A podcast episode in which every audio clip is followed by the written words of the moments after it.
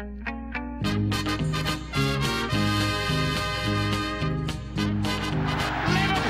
are champions of Europe again. Liverpool are prize winners again. Liverpool is in the record books.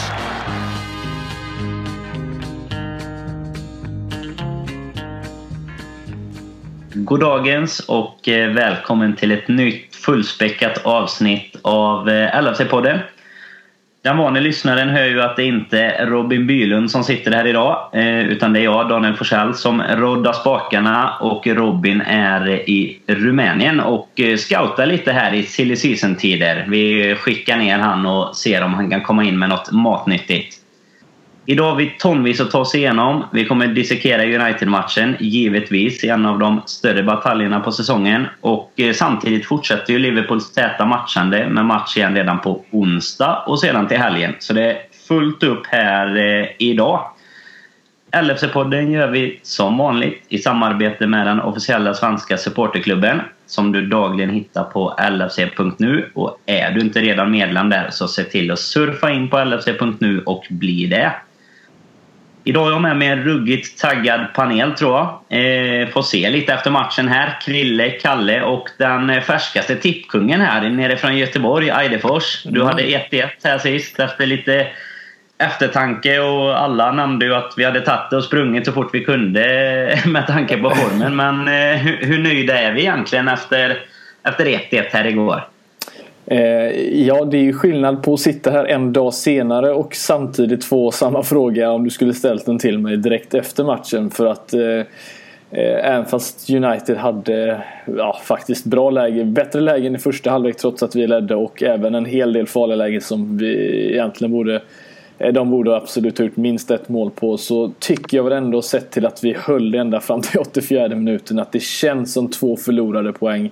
Eh, Eh, sett till att vi ändå också skapade i andra halvlek och visst vi gick ner på knäna lite där men eh, tycker ändå att vi eh, eh, var väldigt jämnt sett till att de eh, var långt ifrån sitt bästa och vi hade så många skador eh, och spelare som vi kommer komma in på som inte var med.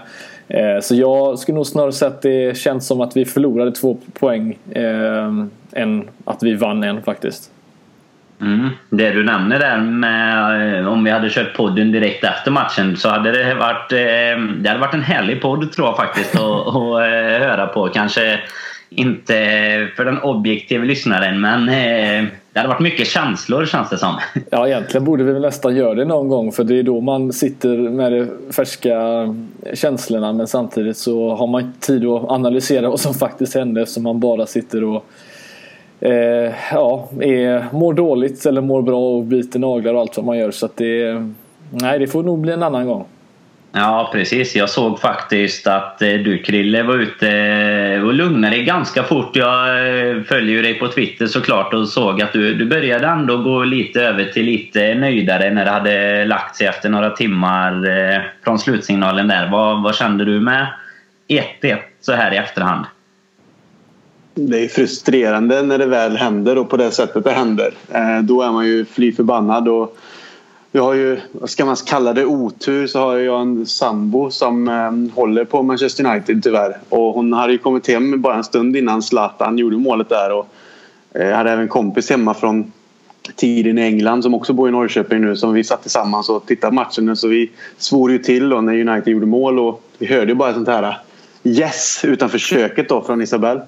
Och då var det inga trevliga ord som kom från min mun. Inte riktat mot henne utan mer riktat mot Zlatan då och United. Så att det var en del svordomar och det var riktig frustration just där och då. Sen som du säger så hinner man väl kanske analysera lite i hela läget. Jag tycker väl egentligen som Fredrik säger också att det känns ju som att vi tappade en vinst i det stora. Men någonstans som vi pratade om innan så hade man väl tagit kanske ett kryss i Eh, i förhand. Så att eh, jag hit, försöker hitta någon sån här liten balansgång där och känna att ah, det är ändå borta mot United. Visst, vi släpper in ett mål men vi, vi förlorar inte och det är så jävla skönt att inte förlora mot United också. Och sen tycker jag ju att vi, vi gör en så pass bra match överlag sett till de skadorna vi har så att det väcker någonstans en, ändå en förhoppning nu mot framtiden. Så att, eh, jag grämer mig nog mer fortfarande över de eh, tappade poängen mot Sunderland än faktiskt i, i, de tappade poängen mot United. Mm. Nej, vi satt ju som sagt i förra podden och sa att ett kryss eh, tar vi väldigt gärna med oss. Dels kanske för tabelläget för oss själva men kanske främst för att inte, ja egentligen för att hålla ifrån United från det här täta topp 6 då som det hade blivit då om de hade, hade vunnit här. Vad, vad känner du dig Kalle egentligen igår då när man sitter, vi tar ju ledningen, eh, kommer komma in mycket mer på matchen såklart men, men går det njuta av en sån här match? Det är trots allt en av de eh, största matcherna i, i världen, ett av de mest laddade mötena klubbarna emellan på väldigt länge. Vad, kan du njuta någonting eh, eller är det mest ångest när det, när det ser ut som det gör? Nej, jag har fruktansvärt svårt att njuta av de här matcherna. Ehm, gäller även mot Everton och United. Så att det, 90 minuter ren och ständig ångest. Fast det kändes rätt bra ändå första halvlek måste jag säga. Eh, sen eh, ju längre matchen gick så, så ville man bara att den skulle vara över. Eh, så att jag hann inte riktigt reflektera så mycket över resultatet direkt efter matchen. Jag var mest glad att matchen var slut så man kunde andas lite grann igen. Det känns ju väldigt ofta som att det är på det sättet tycker jag. I alla fall när vi har med den matchbilden som blir att vi har ledningen och, och de lyfter långt och vi är väl inte eh, jättevälkända för att eh, hantera just eh, höjdbollar och långbollar på det sättet som vår allra främsta styrka direkt. Men eh, vi ska som sagt eh, gå igenom matchen från, eh, från start till mål tänkte jag här. Det är ändå en eh, match av den digniteten kan förtjäna lite extra uppmärksamhet. Men vi ska också ge lite uppmärksamhet eh, extra här till eh, någon som var lika bra som Eidefors eh, på att tippa. Andreas Wikdahl vann våran tipptävling. Han hade 1-1 och han hade faktiskt Zlatan som målskytt och i 75 så det var ju verkligen inte fy skam på den tippningen. Det var eh, ingen som ens var så nära och, eh, och ens komma tvåa där knappt. Eh, igår då, Liverpool kom till spel med något skadeskjuten elva får man väl säga. Det hände en hel del eh, oförutsett kanske man ska kalla det. Vi hade Klein som var borta med revbensskada som ledde till att eh, Trent Alexander-Arnold, som vi har nämnt flera gånger i podden här innan, eh, 18 år ung är han ju, kom in istället i eh, en av de absolut tuffaste lägen man kanske kan tänka sig. Han har ju egentligen bara några minuter i, i benen i Premier League innan. Mot Middlesbrough var det ju i december han fick sin debut, men detta blev ju den fulla debuten. Sen hade vi Matip som vi kommer återkomma till mer, som var borta på grund av lite krångel med Afrikanska mästerskapen är. Vi har Mané som är borta på de samma och eh, Coutinho då, som tydligen inte var helt fit eftersom han fick starta på, på bänken. Men om vi börjar med startelvan, om vi går till dig Eidefors. Vad, vad kände du när, när du såg just de här förändringarna? Var, var det något som kändes tyngre än något annat om man säger så? Eh, ja, för de som följer mig på Twitter och kollar mitt Twitterflöde så förstår de nog vad jag kände. Jag var ju... Eh, och det här är ju just det som kommer när man kommer så nära match och man börjar bli nervös och allt sånt som händer. Jag var ju nästan inställd på en förlust när jag såg att Klein, som visserligen kanske inte har varit eh, lika vass som han varit tidigare, men utan honom in med en eh, orutinerad ytterback mot Martial som... Eh, ja, det, det kändes inte bra på förhand och så ingen Coutinho och så vidare. Så jag var jag förberedde mig nästan på det värsta. Om jag ska vara helt ärlig. Jag tror inte jag har sett ett, en Liverpool-backlinje så dålig på pappret om man säger så. Eh, inför en sån här stor match. Det var länge sedan i så fall. Eh, så jag hade inga bra förväntningar inför den här matchen när jag såg startelvan. Eh, sett till att United dessutom då kom in med ett, eh, ja, var de åtta raka eller nio raka eh, utan förlust. Så att eh, jag hade ingen bra känsla inför matchen i alla fall. Mm, det var till och med nio raka segrar tror jag om man räknar alla turneringar. Om man räknar med kupperna med. Men eh, om vi kikar då Krille, om man väl... Eh, när, när han väl fick chansen här var... Han mötte som sagt en eh, Martial som Eidefors inne på i eh, väldigt bra form har han ju varit den senaste tiden. Hur skötte våran yngling sig tycker du? Det var väl lite nervöst i början tycker jag. Att det, det såg man att, att stunden kanske någonstans blev lite mäktig för honom men han växte in i rollen och sen tycker jag att han eh, var en av Liverpools liksom bästa spelare eh, tillsammans med, med Mignolet och några andra men eh, hans, alltså för att vara 18 år och kastas in i en sån här match och göra sin fulla publikdebut och då ställas mot spelare som ändå rankas uppe i, kan man kalla det ändå världstoppen, spelar landslag och sånt. Så tycker han gör det hur bra som helst och kan han förvalta den talangen som han verkar besitta och Klopp kan fortsätta utveckla honom så har vi ju en, en, en grym ersättare och kanske en eh, framtida eh, vad säger man, arvinge till Klein för han verkar ha alla eh, strängar på sin lyra som man säger. Så att, eh, det var imponerande eh, att se han eh, spela så pass bra och moget. Och sen fick han hjälp av, av sina medspelare såklart. Man såg att de verkligen ville hjälpa honom och stötta honom för att han skulle kunna ha upp, uppe självförtroendet genom matchen. Men jag, jag, tycker att han ska sträcka på sig och vara jäkligt stolt över en sån debut. För det är inte alla som klarar av den uppgiften. Nej, Klopp sa ju själv eh, efter matchen att eh, högerbacksplatsen är i goda händer även när inte eh, Klein kan spela. Någon som däremot satt kvar på bänken, något som jag tänkte på egentligen först när jag såg elvan om jag vänder mig till dig där Kalle, så att Alexander Arnold går in Eh, och då sitter Moreno kvar på bänken där jag kanske hade tänkt mig, så fort jag såg det i alla fall, att han hade kunnat spela vänsterback och till exempel ta Milner på den andra ytterbacksplatsen. Vad, vad tror du? Säger denna starten någonting om hans status eller är det helt enkelt så att en, en högerback, då ska vi ha en annan högerback?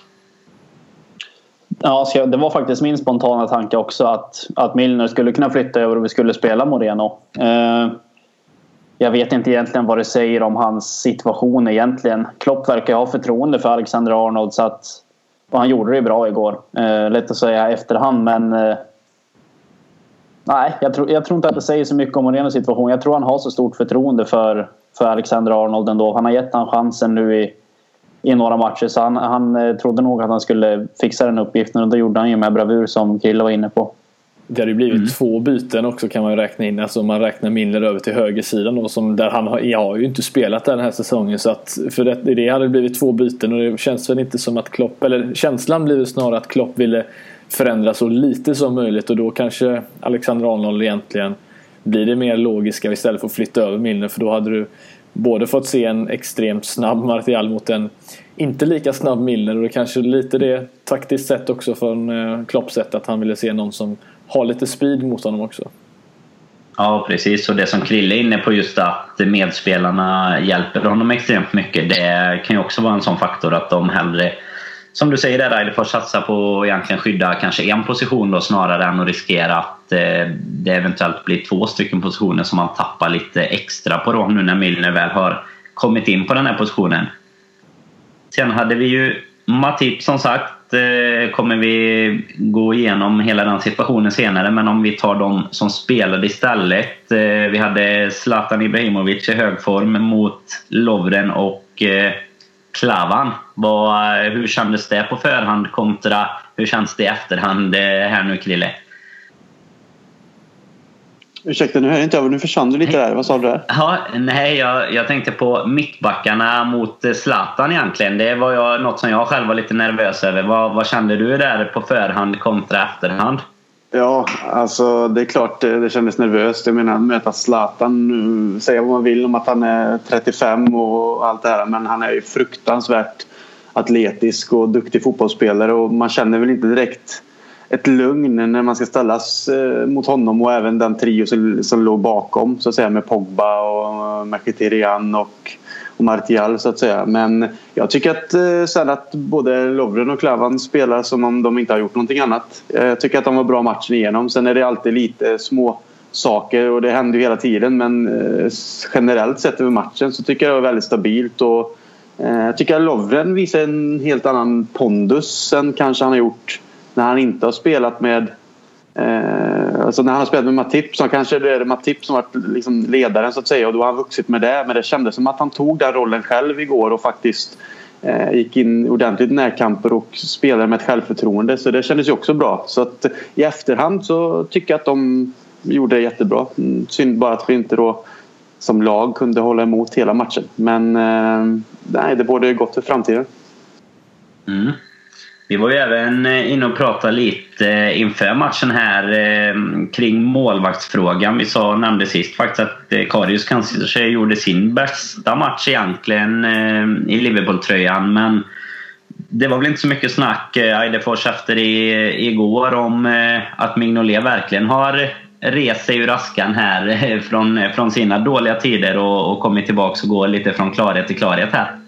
Nej, verkligen inte. Det är väldigt kul att se måste jag säga. Och det känns väl som kanske det verkligen var det här han behövde. Alltså någon som pushar honom. Eh, någon som, eh, så att han kan bevisa någonting. Sen måste jag säga att han har ju visat vissa av de här delarna han, eh, att han gör en hel del bra räddningar. Det har vi ju sett. Men att han gör flera bra och håller oss inne i en match som han ändå gjorde flera tillfällen. Eh, det, det är något vi inte har sett från honom. Eh, för hade det varit så att vi hade vunnit den här så hade vi plötsligt suttit och sagt att ja, vi har en målvakt som egentligen räddar oss poäng och det är lite det vi har eftersökt lite eh, sett till att många av de andra lagen har det då.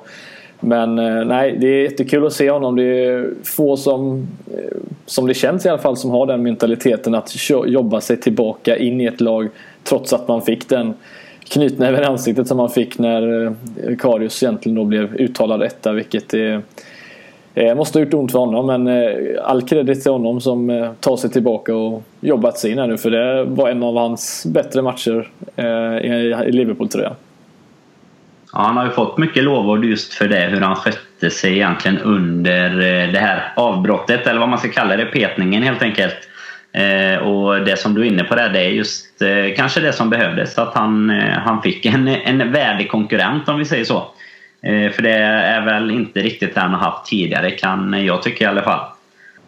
Kalle, om vi går fram lite i plan eh, så har ju Emre Can varit en annan spelare som har fått eh, ganska mycket kritik det sista. Nu var Klopp ute och återigen påpekade lite kring åldern att man kan förvänta sig att han har lite tuffare matcher ibland men var han även en sån spelare som bevisar något för de här kritikerna igår tycker du? Jag tycker det var, han lyfte sig rejält igår. Jag vet inte om det beror på att, att han har Henderson tillbaka med sig vid sidan om som, gör, som ger den där lite, lite tryggheten och stabiliteten. Uh, tycker fortfarande att han kladdar lite grann med bollen i fel lägen ibland. Men i, i övrigt tycker jag att han hade en riktigt bra match igår. Mm. Sen hade vi ju eh, den sista av dem som vi pratade om innan då utöver Mané som vi visste skulle vara borta var ju Coutinho som eh, uppenbarligen då inte var hundra kanske. Det känns väl inte som att han hade startat matchen på bänken borta mot United annars. Eh, Origi blev det väl istället eh, får man säga på motsvarande position. Mm, hur tycker du att han skötte det Krille? Eh, Origi tycker jag var, var bra. Alltså, som jag ser det var hela laget bra. Men, eh, så att alla gjorde liksom, eh, sin uppgift. så. Jag tyckte Origi var bra. Han, han hade något avslut som var farligt. Han, liksom, han är obenäklig i sitt spel och han har fått upp speed. Jag tycker han, eh, jag tycker han är intressant och jag hoppas att han fortsätter utvecklas. Och, för han kan användas både som en, som en striker men han kan ju även spela där på en kant också och göra det faktiskt riktigt bra. Så att, hoppas han fortsätter ta kliv och att han ha tålamodet för det. För att han kommer kanske inte spela varje match. Men eh, man märker ju när Coutinho kommer in sen och det är synd att han då kanske inte är helt fit för att spela 90 minuter i en sån här match. För eh, man ser ju direkt vad han eh, ger laget liksom vad han kan erbjuda med, med både sin spelförståelse och sina finter. Man märker att United, United-spelarna har respekt för honom. Och han, han skapar ju direkt en målchans för Firmino och sen har han ju några gånger själv där han är på väg att tråckla sig igenom försvaret med som kan bli farligt. Så att, ja, det är jätteviktigt att vi får tillbaka honom nu inför eh, matcherna som kommer sen i, i Premier League om vi tar det först. För han, han, han kan verkligen avgöra matcher på egen hand. Inte bara liksom genom att göra mål, men han friställer andra också. Så han skapar så mycket mer. Och, eh, det är synd att han har varit borta så att, eh, nej, det ska bli riktigt skönt nu när han är tillbaka. Mm, det blir ju sannoliken ett eh, helt annat anfallsspel med honom på plan. Vi eh, hade ju även Firmino som var egentligen var tillbaka som nia här mot United. Fick en fråga om det här på Twitter ifrån Andreas Isaksson. Eh, lite kring Starwich. Den diskussionen har vi ju suttit i förr. Men vad tror du där Fredrik? För det första, kommer han under resterande två veckor av fönstret här försöka kika åt något annat håll och Bör han egentligen spela eh, någonting? Är han en startspelare framåt här i ett klocklag? Alltså, sätter man, eh, skulle man visa upp den här matchen för, eh, för Sturridge, om vi sätter oss och liksom analyserar den, så tycker jag att han borde visa Klopp alltså hur man egentligen försvarar som en anfallare när han visar Firmino. För Firmino tyckte jag igår var helt fantastisk genom att han Eh, pressade ordentligt. Han gör ju så smarta löpningar utan boll, alltså inte bara offensivt men framförallt defensivt. Och vi kommer aldrig se Sturridge göra dem tyvärr. Ehm, vilket gör att jag får känslan av att han kommer eh, lämna. Tror dock inte att januari är rätt tillfälle för honom att göra det nu när han eh, trots allt har en status som jag tror han kommer lämna i så fall till sommaren och få antingen hoppa in i matcher där vi eh, behöver ett extra mål eller spela just den här lite sämre mot sämre motstånd i vissa kupper då. Ja, precis. Eh, det får ju se lite hur långt vi tar oss i kuppspelet. Det är klart, då behöver man ju också kanske eh, en sån spelare som ändå med all eh, kvalitet han besitter kan eh, givetvis göra mycket. Men eh, som du är inne på, kanske inte i just den här... Eh, när vi vill försvara med hela laget på det sättet. När eh, vi kom ut eh, som sagt lite skadeskjutet. Vi var inne på det innan. Fin eh, första halvlek. Vi får eh, en straff som jag vill eh, börja diskutera lite kring. Vi kan väl börja och fråga dig Krille kanske bara. James Milner till att börja med. Är det, är det världens bästa straffskytt kanske vi har på vänsterbackspositionen? Ja, nej, men han är ju... Ja, det fanns ju lite av en anledning när jag valde ut honom som min eh, årets spelare när vi hade vår, ska vi kalla det, nyårspodd där en nyårskrönika. Mm. Just att det, det, finns så många andra självklara val när man tittar framåt men sett över hela året så tycker jag, alltså när jag ser James Milner och den formen han har och den stabilitet han alltid spelar med och det hjärtat han ger vilken klubb han har, har liksom, ja, representerat så jag vet inte. Jag menar, jag har ju nog aldrig sett honom göra en riktigt dålig match. Sen att han har haft sämre och bättre matcher och, han, och vissa matcher har varit grym. Men han är så stabil så att jag ser honom som... Jag vet inte. Det är jättesvårt att förklara men han är nog den spelaren som jag eh, kanske som sagt så håller egentligen vikt, en av de viktigaste i Liverpool startelva nu. Även om han spelar vänsterback så är han så jäkla viktig både framåt och bakåt. Och då är det inte ens hans eh, hans vanliga position så att säga. Det är någonting han skolats om, om till på senare år. Och att han slår de här straffarna och han nästan liksom skjuter hål i nätet eller får hela jävla buren och ramlar bakåt när han gör det också. Det är också grymt. För straffen han skjuter är ju faktiskt i, målvakt, i perfekt målvaktshöjd men den är så jävla hård så att de Gea har ju inte en chans att ta den ändå. Och är han på den så vet fan om han flyger in i, i målet. Det är rätt sjukt det just den, att han, eh, de, förlåt jag säger just att han 46 eh, senaste matcherna som han har just gjort mål. Att han, att han aldrig förlorat. Det är rätt sjukt statistik egentligen. Så det är nästan bra om vi får straffar för då kanske vi aldrig förlorar matcherna framöver. Det är väl så min känsla blir med Milner nästan. Ja men lite så är det ju. sen, så jag menar vi har ju en, där en spelare även om han också, han är ju inte gammal så men jag menar han, han visar inga tendenser på att på att han är på väg neråt heller utan nästan tvärtom. Att han kan liksom byta en, till en vänsterbacksroll. Och, ja, jag ser ingen anledning till att vi ska ha en ny vänsterback så länge han fortsätter så här. För han gör liksom enligt statistiken är han ju den bästa vänsterbacken i Premier League och näst bästa i, var det, Europa. Eh, så vet jag inte liksom det, allt med statistik och så vidare men när man tittar på honom spela så känner jag bara liksom det finns ingen, finns ingen mening med att splasha ut massa pengar på vänsterback så länge han gör det så bra utan då är det bättre att hitta, hitta andra lösningar där vi behöver kanske förstärka på andra positioner. Så att det är ju bara egentligen titta på det också då han la, la ner bollen eller ansiktet på bollen i någon match där. Eh, det bevisar ju bara vilken slags spelare han är så att eh, det är bara att signa upp honom längre och köra på med honom. Jag älskar fan James Milner. det är härligt att höra.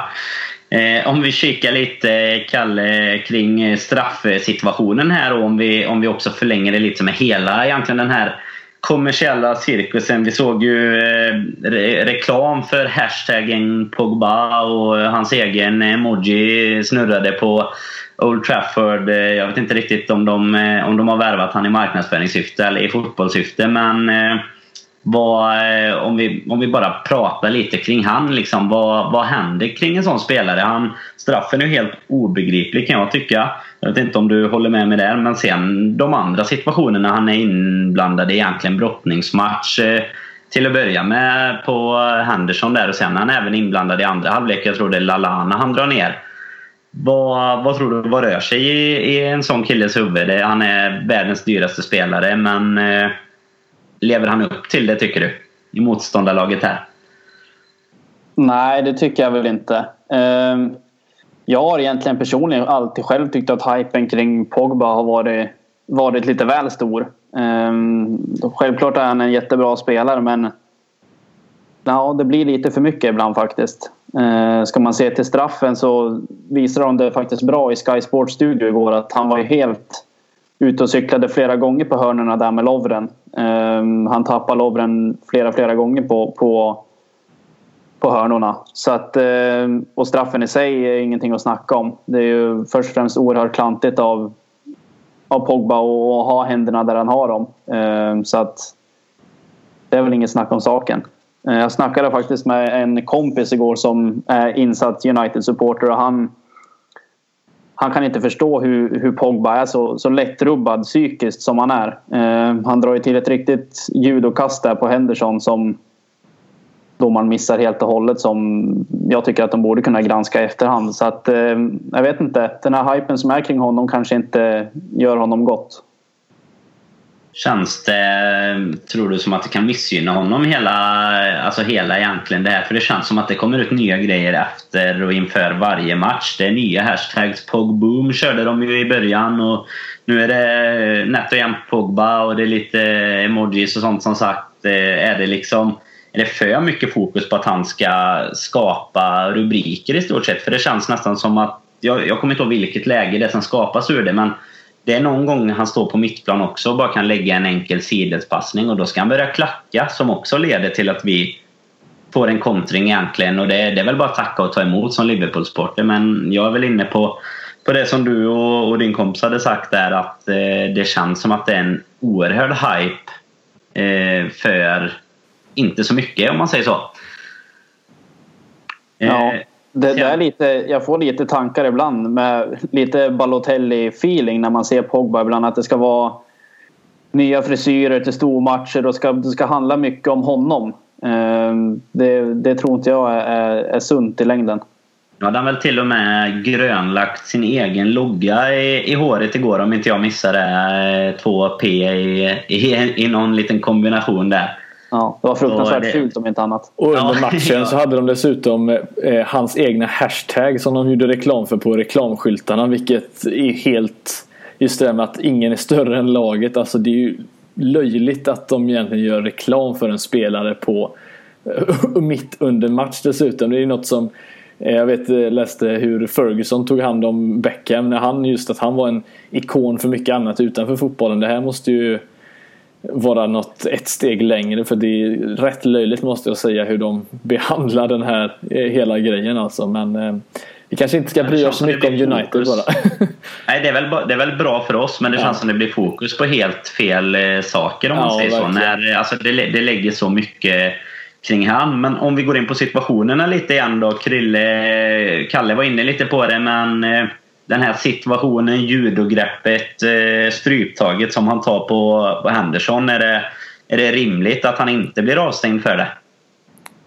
Nej, alltså det, i min värld finns det ju inget annat att han ska bli avstängd. Att det ska granskas i efterhand eftersom att domaren nu inte gav honom eh, varken gult eller rött kort. Liksom. Så, det blev inte ens frispark. Det var inte ens... Eh, det var ju nej, alltså till det, med, det blev till och med farlig United-frispark direkt efteråt. Ja, så jag menar det är liksom en sån grej. Liksom, det måste ju granskas för det är farligt. Jag menar han kan ju skada dem ordentligt allvarligt genom att göra det och det tillhör ju inte spelet. Du kan ju bli skadat, eh, allvarligt skadad i själva spelet av tacklingar och det är tyvärr brutna ben och andra hemska skador. Men det där är ju faktiskt, skulle han kunna skada honom alltså rent ordentligt för livet. För det är runt nacken liksom och drar du fel där och Henderson är på väg så kan han ju liksom bryta nacken eller knäcka nacken. Det är liksom, det är sån styrka har de ju ändå i sina kroppar och i den farten de håller på med. Så är oturen framme så är det, det är ju livsfara.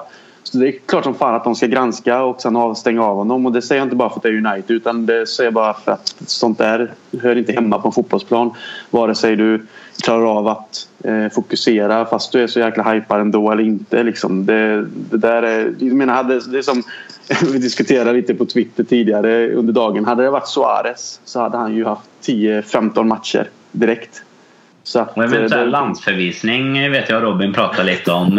att det kunde ja, men det får ju så. finnas någon, någon balans tycker jag. Jag menar nu, nu vill inte jag försvara det Suarez gjorde för det är också fel. Givetvis. Men jag menar om han blir avstängd för det han gör på ett sånt sätt när han biter någon i axeln. Så är det givetvis att Pogba ska få en avstängning för att han faktiskt tar ett någon jäkla judosving på Henderson och drar omkull honom. Liksom. Det, det, det, är ju min, det är ju om inte mer farligt än ett bett i axeln egentligen. Suarez fick ju tyvärr ut, eller vet, han fick ju en avstängning genom att peka finger mot Fulham-fansen en gång. Så att sånt här som ändå som du säger kan skada och det är återigen det är viktigt att man lyfter fram det för det här säger vi inte bara för att eh, vi inte vann matchen eller för att det just är United utan det är ju verkligen för att såna här grejer Eh, kan alltså, sluta väldigt illa och jag tycker det är väldigt konstigt att den att inte, se, att, att inte Oliver ser det, för det är verkligen mitt framför honom. Och just det mest typiska var ju som du sa redan att precis efter det får de en frispark mitt på straffområdeslinjen och jag var nästan säker på att om han skulle drämma in den Zlatan så det hade ju varit ännu mer olyckligt. Men eh, nej, eh, han hade väl inte, det hade väl inte kunnat hända något om Oliver hade sett det utan det är väl nu då Eftersom han inte såg det som de kan granska det. Jag hoppas verkligen att de gör något men eh, sett till Uniteds historia så kommer det nog sluta med ingenting ska jag gissa. Nej, men det, det är ju egentligen det, tack vare det som du säger att de inte, eller att han inte fick egentligen någon reprimand alls som de kan granska i efterhand. För det är ju till skillnad mot till exempel Rocco om man tar han. Han har ju haft några riktigt härliga tacklingar som han har blivit eh, varnad för. Vi hade Barkley på Henderson i, i derbyt eh, också som väl egentligen kanske skulle varit några matchers avstängning men som faktiskt fick gult kort under matchen och därav inte egentligen kunde göras någonting annat för då anses domaren ha tagit sitt beslut helt enkelt. Sen eh, om vi egentligen går in, du pratade lite här det första där om att eh, Oliver stod precis framför och borde ha sett det. Så kommer vi ju osökt att tänka på en annan situation under matchen där någon står precis framför någonting och bör ha sett det. Det är ju kvitteringsmålet givetvis som jag syftar på. Det är ju när Valencia, eh, det som föranleder hela läget egentligen, han eh, får en boll i eh, en helt... Eh, alltså jag tycker det är helt horribelt eh, att inte linjedomaren ser att det är offside när han står i stort sett inom touching distance mot honom. Och sen så leder det ena till det andra och, och till slut är det 1-1 där. Och om jag frågar dig där Kalle, vad på den här nivån, det är liksom en match som som vi sa innan, kanske en av världens absolut största matcher. Får det, får det hända sånt här? Kan, det, kan kvaliteten vara så eh, låg egentligen? Nej, det ska det inte. Det har, jag tycker inte att det har någonting att göra med att det är en stor match. Det ska inte hända på, på den här nivån överhuvudtaget. I, i toppligorna i, i, i elitfotbollen ska det inte hända överhuvudtaget. Domaren står inte ens i linje med spelarna. Bara där har han ju gjort ett horribelt misstag. Um, hade han stått i linje med dem där så hade han ju då hade ju en blind sett att han var offside. Så att eh, man såg tydligt direkt från tv-soffan att det var, var offside. Eh, så att det är klart att det är jäkligt frustrerande att man mer eller mindre blir bestulen på, på de där två extra poängen genom ett, ett sånt där domslut som man har sett United fått med sig många gånger nu. Eh, oroväckande många gånger faktiskt. Ja, det är väl ja, egentligen positionen som är, det, som är det märkliga. Just att, eh, för att jag förstår att han inte ser att det är offside med tanke på vart han faktiskt står. Eh, sen måste jag säga att Lovren, även fast han gjorde sin eh, en av de bättre som den här ledaren kanske går och så var det ju några fall då han tar lite, lite djup samtidigt som Klavan inte gör det och det, då blir det lite Jag kan förstå att linjedomaren kanske inte ser det då eftersom Lovren står lite längre ner men just så att positionen han står. Alltså det, jag tror inte han riktigt tänkte igenom den situationen för att han Nej, alltså hur ska han kunna se någon offside om han inte ens står i linjen? Han står ju liksom nedanför. Jag kan mm. inte förstå det. Och nej, det är konstigt hur det kan ske på de här nivåerna. Eh, vad är det nu? Åtta mål de senaste fem matcherna på Old Trafford som de har fått med sig offside-mål. Och det är ju klart att man klättrar i en tabell om man eh, får det med sig. Ja, det är en helt ofantlig statistik egentligen. Ja, mot West Ham där här var ju även Zlatan som eh, hade ett eh, offside-mål. Och nu ska man väl, eh, precis som ni är inne på, inte bara stirra sig blind på eh, United heller. Men det känns som FA och domarna har haft det riktigt tungt på sistone. Jag tycker det är egentligen senaste månaden som det är situationer i, i var och varannan match nästan som man eh, tycker att man kan ifrågasätta. Det har både varit offside-mål, röda kort som har varit väldigt tveksamma. Och, långt ifrån eh, bara vi som har varit inblandade. Men det är ju riktigt tråkigt att det händer i just en sån här match när man verkligen har chansen att ta eh, ett litet ryck. För jag tycker att vi också att vi stod emot det riktigt, riktigt bra mot United. Och Klopp eh, sa ju också efter matchen att han tyckte faktiskt att vi förtjänade att ta med oss alla tre poäng hem. Även om Mourinho kanske inte höll med honom riktigt. Men instämmer du där Krille? Tycker du att vi om man bortser från offsiden då egentligen, alltså om vi bara ser spelmässigt. Tycker du att vi förtjänar vi att ta med oss alla tre pinnar? Den är lite svår tycker jag. För jag tycker liksom United skapar ju ändå en del chanser och vi hade ju faktiskt en Mignolet som storspelare just i de situationerna. Eh, och sen hade vi en del chanser där de Gea gjorde eh, bra räddningar men vi faktiskt inte riktigt prövade honom direkt. Jag menar, Wijnaldum hade ju faktiskt jag ska säga två bra, riktigt bra chanser och en lite sämre chans att göra mål. Och det är väl nicken som jag ändå försvarar honom med. att Den är inte lätt i den farten han kommer. Klopp visar ju vid sidlinjen någonting med, på bröstet med händerna. Ta ner den liksom. Men i den farten han springer med och ska ta ner den och trycka in den. Det, det krävs en oerhörd teknik. Men han har ändå två lägen där han får liksom, avslutsmöjligheter och det är som bakåtpass till de Gea. Och det är också under all kritik. Um, Framförallt den 92 minuten. Den var jobbig måste jag säga. Ja, ja och jag tycker Wijnaldum som oftast är duktig. Jag tyckte han var egentligen den som kanske var mest i skymundan igår uh, av mittfältet. Och, och, just att han fick de här chanserna är lite tråkigt då eftersom att han kanske var fel uh, spelare att få dem. Hade det varit någon annan så kanske vi hade haft uh, ytterligare ett mål. Och sen har ju även Firmino ett läge där när Coutinho frispelar honom där och han kommer lite svår vinkel men uh, avslut ska vara bättre. Men jag vet inte. Jag, jag, säger nog att resultatet speglat matchbilden så är det nog, rätt, det är nog rättvist ändå 1-1 kan jag säga. Sen är det ju fortfarande det här som vi diskuterade nyss med, med linjedomaren att gör han sitt jobb ordentligt där och jag, jag förstår att de kan missa offside någon gång då och då men när du inte ens står i linje så har du ju redan där misslyckats. Så, tyvärr är det ju det som gör att vi, vi tappar tre poäng i matchen så att jag säger att det är rättvist men med lite, lite bitterhet på tungan det är väl just det som du är inne på där att man kan förstå att de missar vissa situationer men när det är den spelaren som står närmast dig så eh, är det ju precis som ni är inne på. Det är klart det är svårt att se om man inte står i linje men när det verkligen är den spelaren som står precis bredvid dig så ska du ändå kunna ha lite koll. Eh, det är ju en sak om du blir gömd bakom tre spelare och är en fot eh, framför eller någonting. Då kan man ju ha lite mer kanske respekt för att man faktiskt kan missa en situation. Men eh, nej, helt eh, uppåt väggarna horribelt men, alltså. Men för mig personligen när det kommer till sådana situationer, särskilt när det varit så många nu det senaste. Och, och nu har ju United haft många offside-mål som blivit godkända. Eh, och nu vill man som sagt inte bara stirra sig blind på dem utan det har varit även farliga tacklingar. Vi pratar om Barclays mot Henderson och sådana, sådana situationer som faktiskt kan avgöra mycket. Både med skador, mål, poäng och allt sånt där och tabelläge i det långa loppet.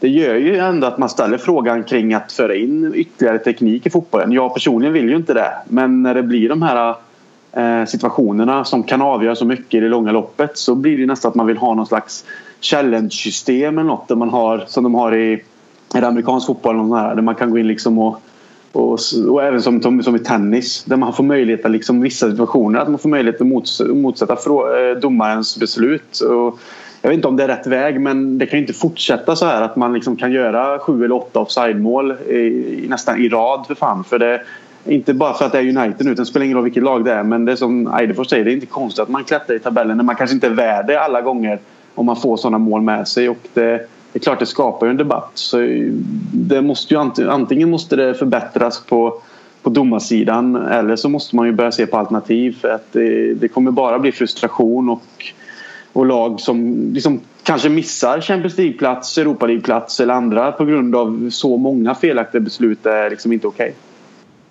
Jag kan ju instämma absolut i det som du säger. Jag minns att det var mycket eh, onda röster kring egentligen goal line technologyn också. Och eh, jag tycker väl att det inte har varit någonting annat än en succé egentligen. Förutom eh, mot Bournemouth då när Milner missade med en millimeter eller någonting. Då kunde vi väl ha, ha fått den. Men, men jag tycker att själva tekniken i sig är egentligen helt fantastisk. Och just offside och mål på efterföljande situation är ju egentligen ganska enkel. Det tar eh, inte många sekunder eh, att eh, kolla det egentligen. Precis som om du tar hockey eller någonting där de videogranskar på ett ganska snabbt sätt. Så där är väl jag lite till skillnad mot dig Krille kanske för egentligen att vi gärna får införa mer teknologi i fotbollen för att det, det, alltså det gör så mycket, precis som du är inne på, i matcherna. Det, det avgör så mycket och när det blir så här mycket som det har varit senaste månaden oavsett lag och oavsett matcher så tycker jag att det är någonting måste man egentligen kolla upp vad, vad kan vi göra bättre egentligen. Det, det är ju samma sak bara för att dra en snabb eh, återkoppling till det. Nu vill jag inte låta bitter men det är ju som att se den här eh, det målet som vi gjorde mot Man City borta den säsongen när vi kom tvåa och var så nära att vinna. Det var ju Sterling som kom igenom och slog in, jag tror det var 0-2 till Liverpool då. Mm. Men han, den, han var ju onside men blev avblåst för offside istället. Och det är ju egentligen ett mål som skulle kunnat avgjort den matchen Eh, och det, i det långa loppet kanske en titel till Liverpool med. Nu säger jag inte att det bara beror på det för det var många andra faktorer. Men det är en händelse som är så avgörande så någonstans borde man ha möjlighet eh, när det finns liksom en, eh, en, en, klar bild i det att se att fan det här såg ut att vara onside. Liksom. Det, är inga, det, är inga, det, är mer tvivel än, än, än, än något annat. Och att man som du säger kan gå in, att någon sitter och granskar det och kan sen säga till huvuddomaren i örat bara att ah, men detta är, liksom, det, det är mål. Och så att man mm. någonstans i det långa loppet får den rättvisan. För det, det påverkar så mycket eh, när det händer. Och när det, särskilt då när det händer så ofta. Så att jag håller med dig Daniel att någonting måste göras om det inte blir bättre standard på, eh, på, på domarteamen överlag. Mm. Eh, Eidefors är en sista spelare som vi ju som sagt saknade. Den som kanske, eller kanske var mest väntad. Den var ju 100% väntad för eh, han var väldigt många mil bort. Det var ju Sadio Mané. Eh, han eh, gjorde både mål och assist faktiskt igår för Senegal. Jag vet inte om man tycker att det är bra eller dåligt. Det beror ju helt på hur man eh, ser det. Men vad tror du egentligen här? Han är vår bästa målskytt med sina nio baljer. Eh, kommer vi sakna honom mycket? Eller vad säger du om matchen igår? Skulle han kunna ha tillfört en annan dimension? Eller hur saknad kommer han vara här under januari? Och eventuellt början på februari då? Eh, jag tror eh, att Mourinho faktiskt var väldigt glad att han inte spelade igår för att med honom uppe till höger så tror jag definitivt att vi hade haft både mer ork och skapat fler kontringslägen när det, i andra halvlek när vi faktiskt då ledde med 1-0. Så att jag tror att eh, han var väldigt lycklig för det. Och jag, vi vet redan att eh, en Lalana som är uppe till höger som spelat jättebra på mittfältet kan inte erbjuda den där eh, direktheten och eh, vad ska man säga?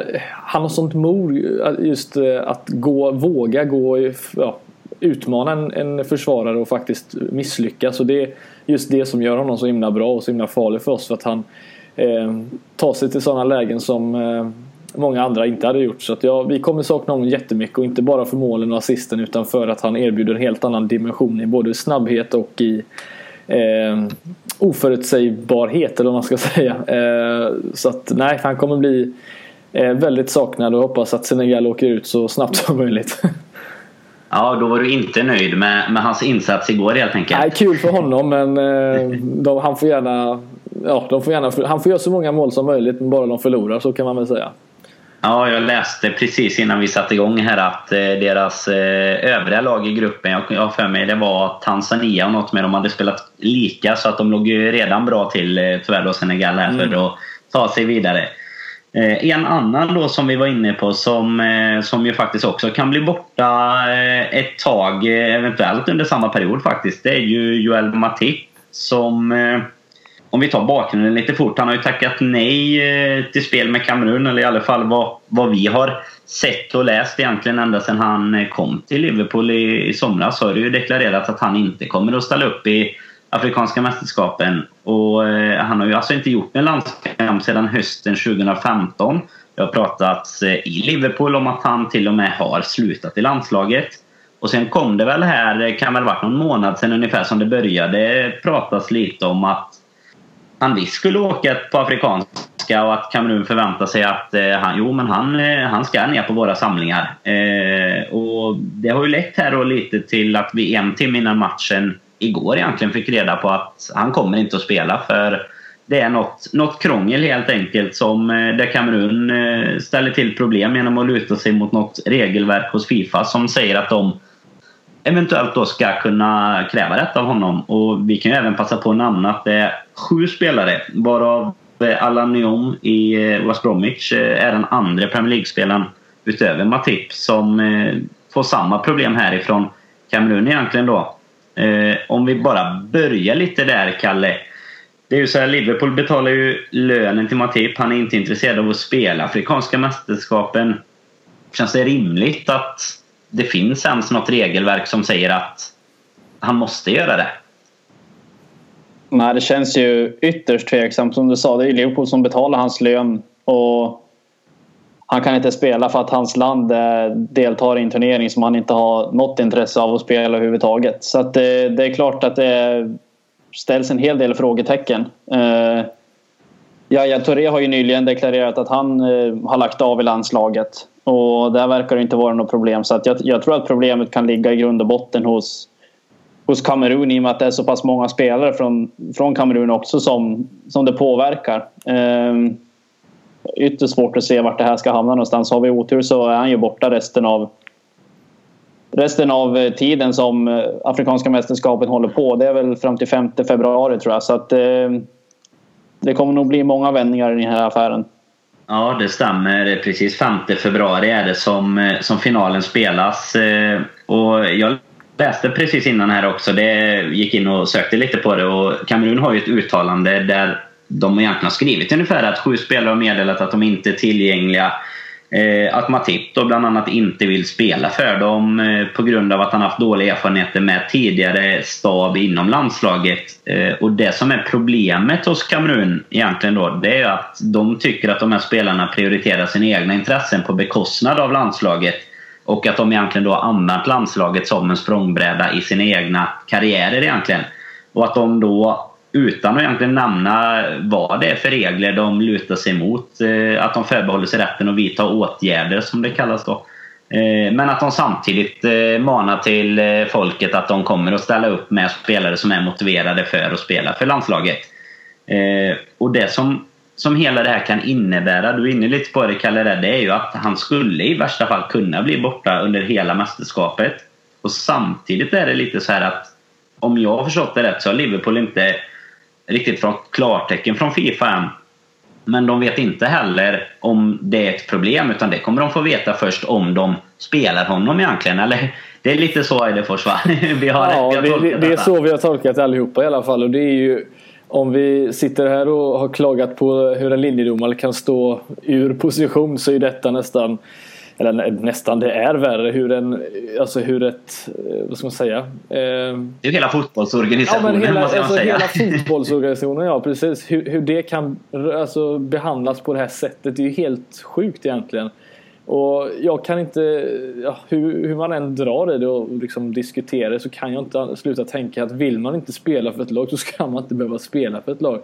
Framförallt om du inte är bunden till det på något sätt. Och det är, Eh, jag tycker det är jättekonstigt och som det ser ut nu då så kan det ju, ja antingen så kommer Liverpool få spela honom och eh, redan nu mot Plymouth om, om det skulle vara så och då får vi ju se om det faktiskt händer något. Eh, om de får något, om det blir böter eller om det i värsta fall blir som jag även, vi även pratade om innan att poängen som vi har tjänat ihop med honom att de inte skulle räknas plötsligt. Alltså det är ju, det är ju ganska stora åtgärder som kan ske om, ja, om man bara spelar honom egentligen. Så att vi får väl se vad som händer. Men eh, eh verkar som att idag i alla fall att Fifa har öppet sagt att de ska liksom gå in i det här caset i alla fall och, och kolla på det. Men sen om det tar en vecka eller om det tar en månad eller fyra veckor som, eller fyra månader som jag läste någon nämnt om det tidigare case med en annan spelare så ja, det är ju helt löjligt att detta kan ske egentligen. Mm, och det är precis det som du är inne på där. Eh, det här med att vi eventuellt kan förlora poäng då. Det är det som eh, även jag har läst mig till är de eventuella påföljderna av att spela honom då. Och det skulle vi i så fall få reda på efter den här tiden som du är inne på. Den tiden som är helt oklar i hur lång den faktiskt är. Eh, skulle han bli borta kan vi ju nämna också så kommer han att missa tre Premier League-matcher egentligen. Det är Swansea, det är Chelsea och det är Hull matcherna som kommer och sen så är det ju två cupmatcher, Southampton och Plymouth som kommer. Så det är absolut ett antal matcher som eh, han kan göra nytta i. Eh, och eh, han har ju dessutom varit i full träning nu för de som inte haft koll på det. Han har ju varit skadad men nu har han tränat för fullt och Klopp sa ju faktiskt att hade det inte varit det här problemet så hade han antagligen varit involverad igår på ett eller annat sätt i alla fall. Eh, men vi kommer väl absolut få anledning att återkomma i den här sagan och förhoppningsvis eh, redan i nästa avsnitt där vi kan gå igenom hans fina insats mot Plymouth i, på onsdagen här förhoppningsvis.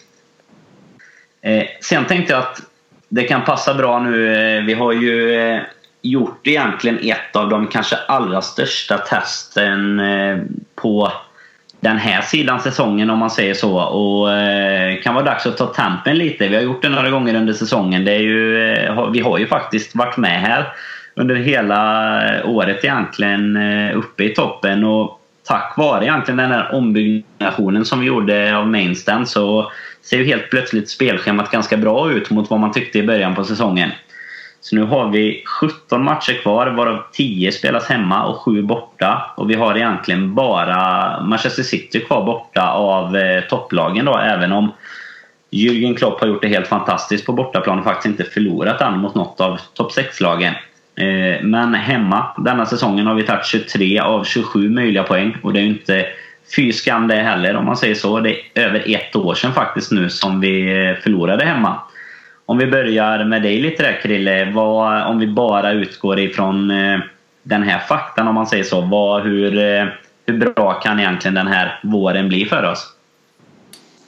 Eh, den kan ju bli riktigt bra. Eh, Liverpool har ju oftast en tendens att vakna till på våren med och då brukar det ju vara för sent redan eftersom vi brukar ha dålig, eh, kanske sämre tid på hösten och vintern. Men nu är vi faktiskt med ändå i toppen och Eh, gör vi bara som vi brukar göra så kan vi vara med hela vägen också. Chelsea blir ju svåra att och följa med tror jag för de ser starka ut även om de inte har Costa med på planen. Men eh, sett till att vi har så många hemmamatcher nu också ehm, och att vi har avverkat de svårare matcherna på bortaplan förutom då City så, så ser det onekligen intressant ut. Eh, man får ju bara hoppas att eh, de andra lagen, både Chelsea och de runt omkring nu då, Tottenham, Arsenal Eh, och även City United. Eh, att de går på lite minor eh, också. Annars så tycker jag att vi, vi har ett intressant spelschema som absolut kan vara i vår favör. Och då gäller det att börja, eh, om vi hoppar över matchen på onsdag då, och sen bara snabbt nämner, då, börjar, då gäller det att börja mot Swansea sen hemma då helt enkelt. Mm. Det är ju egentligen eh, vi nu då som hänger på den här London-trion Eh, som utöver oss är inblandade i topp 4 nu. Det är ju Chelsea där vi har 7 poäng upp till. Sen är det Tottenham som är tvåa mot oss på målskillnad då. Så Arsenal som skuggar precis bakom eh, City som du nämner där som kan gå på lite minor. De har ju faktiskt förlorat fyra av sina åtta senaste Premier League-matcher. Eh, pratade de om i, i Viasat-studion igår och nu är båda Manchester-klubbarna utanför eh, topp 4 här. Eh, om vi vänder oss till dig eh, Kalle. Vi har faktiskt haft en liten omröstning här på Twitter idag där majoriteten absolut säger att de tror att vi kommer att knipa en direktplats till Champions League, hamna tvåa eller trea. Eh, vi har eh, egentligen haft alternativen etta, tvåa eller trea, fyra eller helt utanför topp fyra. Vad, vad tror du om toppen här på, på vårkanten?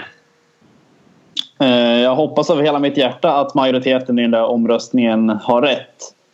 Ehm, Liverpool tenderar väl egentligen att göra bra säsonger när alla andra lag eller ett antal andra lag gör bra säsonger helt enkelt. Så att eh, ehm, oerhört glad över att Liverpool har spelat så bra som de har gjort nu under hösten. Samtidigt är det ju många lag som har som har gjort det bra och nästan bättre än oss fram tills nu. Så att eh, med den truppen vi har nu. Vi har ingen jättebredd i truppen tycker jag. Så om vi inte värvar i januari så tror jag faktiskt att eh, det kommer bli en kamp om att komma topp fyra. Eh, självklart så hoppas jag att vi kommer två eller tre. Jag tror inte att vi kan vinna ligan som jag var inne på. Chelsea ser ostoppbara ut i dagsläget.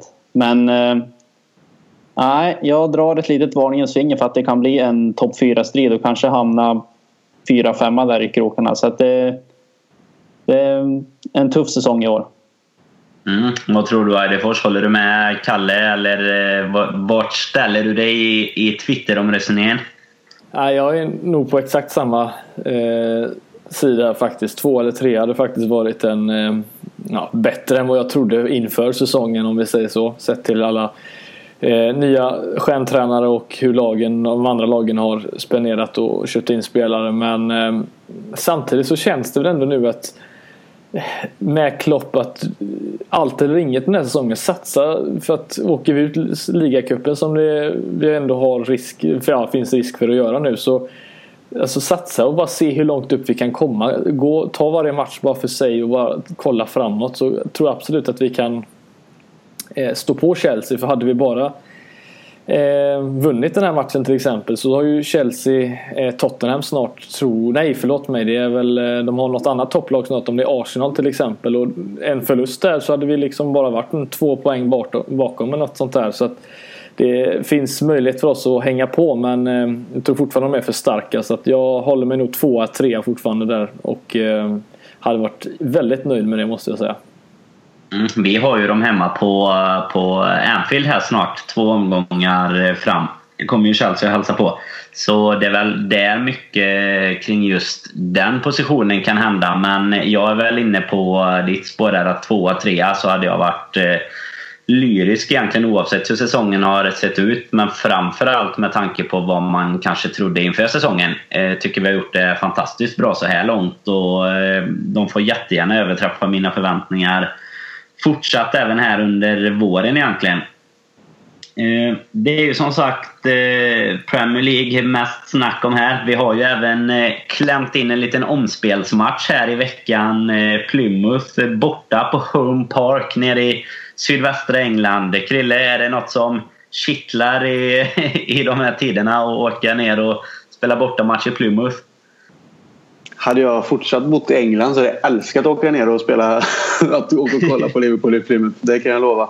Det, just FA-cupen är riktigt roliga resor. Särskilt när det kommer ett sådana här lag som inte är direkt kända alltså, i, hos den gemene man. Även om folk känner till namnet så kanske man inte riktigt har koll på, på det. Och det har inte jag heller så. Men just att hade man varit på plats fortsatt och åkt ner så här så är det grymma resor och härliga eh, upplevelser. Är det ju. Men om man ser det från att man ska se det från tv-soffan så är kittlar det väl inte lika mycket. Men givetvis kommer man väl att, att titta på det så att säga. Men eh, nej, jag hade ju hellre sett bara någonstans att det var Swansea direkt. För det, det är verkligen Premier League som jag går igång på just nu eftersom att vi ligger där vi ligger och vi har det spelschemat som vi har framför oss och vi ska möta både Chelsea och Tottenham hemma nu som ligger precis före oss där. Ehm, och, ehm, så det är väl egentligen klart vi, jag vill gå vidare i alla kupper men för mig om det ska kittla lite extra så är det Premier League som jag vill satsa på. Sen hoppas vi väl bara att det går vägen i de andra matcherna med såklart men eh, jag är inte direkt exalterad på, på det sättet som jag hade blivit om jag som sagt fortsatt vara i England. Mm. Om du får eh, lite snabbt tippa här då. Tror du att eh, Wolverhampton får åka till Anfield eller till Home Park i fjärde omgången? Jag tror att de får åka till Anfield och eh, om vi ska ta något resultat så tror jag väl att eh, Liverpool den här gången tar sig an uppgiften ordentligt. Jag tror att det blir 0-3. Mm. Eidefors, tror du att vi kan förvänta oss en liknande elva som i, i första mötet? Eller vad, eh, är det bättre elva, sämre elva sett i pappret? Vad tror du? Eh, jag hoppas på något likvärdigt men kanske då eh, någon enstaka eh, lite mer rutinerad spelare in bara för att ja, eh, även fast vi ska slå det här laget på bortaplan så eh, tar jag inte ut något i förhand. Så att, eh, eh, en Sturridge om han skulle vara frisk till exempel hade ju varit jättekul att se en sån här match även fast han hade varit då den stora stjärnan där och kanske klämt in några bollar. Så det hade jag gärna sett om det hade varit möjligt. Men annars mer eller mindre samma som senast. Mm. Kalle, skulle det kunna vara läge och om nu allt löser sig här klämma in eh, Joel Matip till exempel för lite matchande i bena. Filip Coutinho som ju faktiskt inte har gjort så många minuter sedan skadan. Är det någonting som eh, du hade förespråkat eller är det först i Swansea som de ska, ska göra sitt? Jag tror inte att jag hade velat starta Matip eftersom den situationen som vi har. Eh, däremot som Eidefors var inne på så skulle jag nog starta starta Sturridge. Jag tror inte han kommer spela mot Swansea heller, så att, eh, inte från start i alla fall. Så att eh, 90 minuter för Sturridge så ska det nog bli ett respass på Home Park. Det känns väl eh, ungefär som att det är Emre Can kanske som från den här första matchen som inte kommer att, eh, att spela igen. Eh, inte nu på grund av att han eh, har någon formdipp av något slag utan kanske motsatt att nu har han spelat så pass många matcher att nu är det nog kanske läge att få vila honom lite. Så, eh, men jag är väl inne på samma som er egentligen. Eh, om eh, ni... Ingen som tror att, som sagt då, att det är Home Park som står värd i fjärde omgången heller i alla fall. Och det får jag väl eh, hålla med. Sen då, som sagt, vi tar den lite kort bara Plymouth där, men, men vi är ganska överens. Men sen då så ska vi till eh, Anfield igen. Det är Swansea. Du och jag, Kalle, bland annat, åker över tillsammans med Jocke och Robin här sen. Eh, där däremot, vad tycker ni? Eller vad tror ni rättare sagt? Eh, kommer det vara en liknande elva som som nu sist då med de här eventuella förändringarna Matip och Coutinho till exempel då? Om vi börjar med dig Krille. Uh, ja, alltså sett till vad som händer angående Matip där så får vi ju se lite. Men jag ser ju att Coutinho absolut skulle kunna spela då. Om han kunde hoppa in nu mot United och spela och så, så tror jag att han är med ifrån start. Och det tycker jag ändå krävs.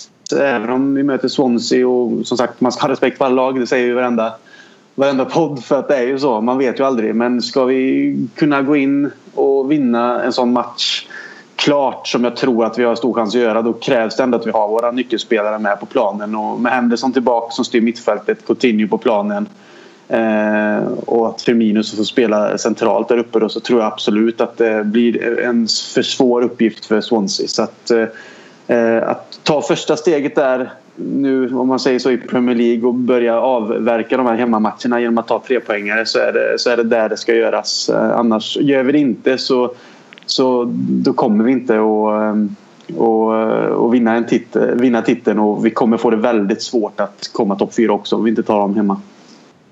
Mm, vi hade ju det tufft när vi var hälsade på eh, i Wales på Liberty Stadium här eh, under hösten. Men instämmer du där Eidefors? Jag tror att första Premier League-segern 2017 kommer den komma på Anfield nästa lördag? Ja, det, det tror jag absolut. Eh, Swansea har... Eh, det är synd tycker jag för jag, jag har alltid tyckt om eh, deras, ja, den föreningen sedan de kom upp har eh, varit ett sunt lag och eh, en sund förening ska vi säga men nu känns det som att de är på väg neråt så att jag eh, och jag såg dem här senast mot, eh, mot Arsenal och det var Nej, det var, det var inte mycket att hänga i granen där alltså. Så jag, jag, tror också att det blir den första segern här nu och det kan eh, rassla in några bollar eh, på Anfield där. Mm. Nej, det känns väl eh, som att det borde göra det. Man hoppas väl att få se något liknande som det vi såg några gånger här med Watford, bland annat Leicester och så här under hösten. Särskilt nu när vi är över då, Kalle. Du, du var ju över på Leicester var det va? Ja, Ja, det var... Vad var det? 4-0 va? 4-1? 4-1. Det var, det var Lukas som eh, gav en liten eh, special eh, delivery där till Leicester, ja. Yes. Det stämmer. Eh, instämmer du? Kommer vi vinna vår första match för året här? I Premier League då vill säga. Förhoppningsvis vinner vi väl kanske även på onsdag.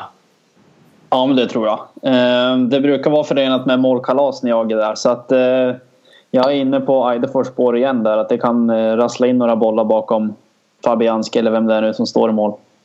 Ja, det är ju suveränt. Eh, tänkte att här ska vi ju gå laget runt och få tippa lite också. Vi kommer ju som vanligt köra en tipptävling på eh, Twitter här till matchen. Kommer även eh, be er hålla lite ytterligare koll på Twitter. Som sagt åker ju jag undertecknar här, Kalle, Jocke och Robin över och kikar. Så vi eh, kommer att ha Dels en kortare podd inför matchen som förhoppningsvis kommer ut någon gång under fredagen. Och sen kommer vi även köra en podd på eh, lördagen efter matchen. Där vi eh, främst snackar ner matchen då, inte kanske kollar så mycket framåt. Sen kan, vi även, eh, kan det även hända lite annat smått och gott på Twitter. Vi testade ju Periscope för ett tag sedan och det kommer nog kunna bli lite live från Liverpool, eller vad tror du Kalle? Inte omöjligt. Man vet aldrig vad som händer när man får någon pint innanför västen. Precis, så är det. Eh, om vi börjar med dig då. Om du ska ge eh, bettarna här eh, ett tips inför, eh, inför lördag. Du har själv utlovat ett målkalas här som sagt eftersom du är över. Mm. På mina fyra eller fem senaste matcher tror jag jag har 16-1 i målskillnad. Så att jag drar till med 4-0 Liverpool. Sannerligen eh, någonting att se fram emot då. Vad, vad tror du Krille? Eftersom jag eh, gick bort mig där och tippade Plymouth och trodde att vi skulle köra där också så, så kör jag eh, 3-0 igen till Liverpool helt enkelt. Ja, det är bra. Jag tänkte vi, vi kör ingen tävling på eh, FA-cupen där så då tänkte jag då, eh, då får bettarna besparas våra skandalösa tips här. man kan ju följa och hoppa på mig ändå där och tippa 0-3 i nästa match också om man vill så man kan vinna pengar istället. Om, om man behöver pengar så kan man eh, rygga det där. Sen har vi ju eh, vår, vår färskaste kung här då, Eidefors 1-1 mot United. Vad, vad tror du om, eh, om helgen? Um... 2-0 tror jag. Mm. Jag själv tror ju, jag såg ju också den matchen som du var inne på i det första. Jag tyckte ju att det såg, eh, det, det är ett riktigt nedflyttningslag känns det som. De har riktigt mycket otur med studsa fram och tillbaka, Swansea och så. Så jag, jag skulle nog faktiskt säga att vi eh, bränner till med 5-1 på lördag. Det är ju synd bara att de eh, brukar ske att de eh, gör sådana här superdåliga matcher och sen så är det Liverpool nästa och så är Fabianski tillbaka till eh, Neuer-klass här så vi får väl hoppas att han inte är det men eh, annars så hade ju 5-0 absolut suttit, eller 5-1 kanske till och med suttit ännu roligare än 2-0 men eh, det känns som att det, det, det luktar ändå någonting från Sonsi här. Eh, måste jag säga. Inte vinst, men någonting litet. Det luktar walesiskt får. Ja. Det, det, det hade absolut inte varit första gången som eh, det hade hänt eh, liknande situation som du är inne på Fredrik. Där, att eh, man ser en match och sen nästa gång så tänker man att nu kommer vi köra över dem och sen så kommer de och gör världens match antingen hemma eller borta när de möter oss. Då. Men det har man väl lärt sig att leva med någonstans känns det som. Är Coutinho tillbaka så tror jag det, då, då har jag, håller jag nog kvar med mitt tipp. Men är han inte det så känns det som att det absolut kanske är något. Men vi håller tummarna i alla fall. Då tror du till och med det kan bli värre alltså? Ja, spela Henderson Coutinho så tror jag att det inte är något problem. Nej, då är det, det, det där, är, där har vi lite nycklar känner jag. Mm. Nej, det är bra. Nej, som sagt, håll eh, utkik här på Twitter för det kommer även en möjlighet eh, som vanligt i samarbete med Samdods att vinna eh, lite smått och gott är genom att tippa resultat, målskytt och sista minut, eller minut för sista målet rättare sagt. Vi är bara så pass avancerade att vi lägger ett slutresultat. Det får räcka för, för oss i alla fall. Eh, som sagt, håll även lite koll på Twitter extra nu till helgen. Följ eh, gärna uppdateringarna här nu för det kommer som eh, troligen att komma lite extra avsnitt här och lite kortare avsnitt kanske men eh, lite mer spännande här under helgen som man hinner ladda upp med inför nästkommande Premier League-match så får vi hoppas att vi även har lyckats avverka Plymouth här med 0-3 då förhoppningsvis Krille i, i veckan också. Absolut, det vore underbart. Ja, Det hade varit fint. Då får vi önska alla lyssnare en riktigt fin vecka. Tack för att ni har lyssnat. Så hörs vi på ett eller annat sätt här till helgen. Direktrapporterat från Liverpool. Ha det gott!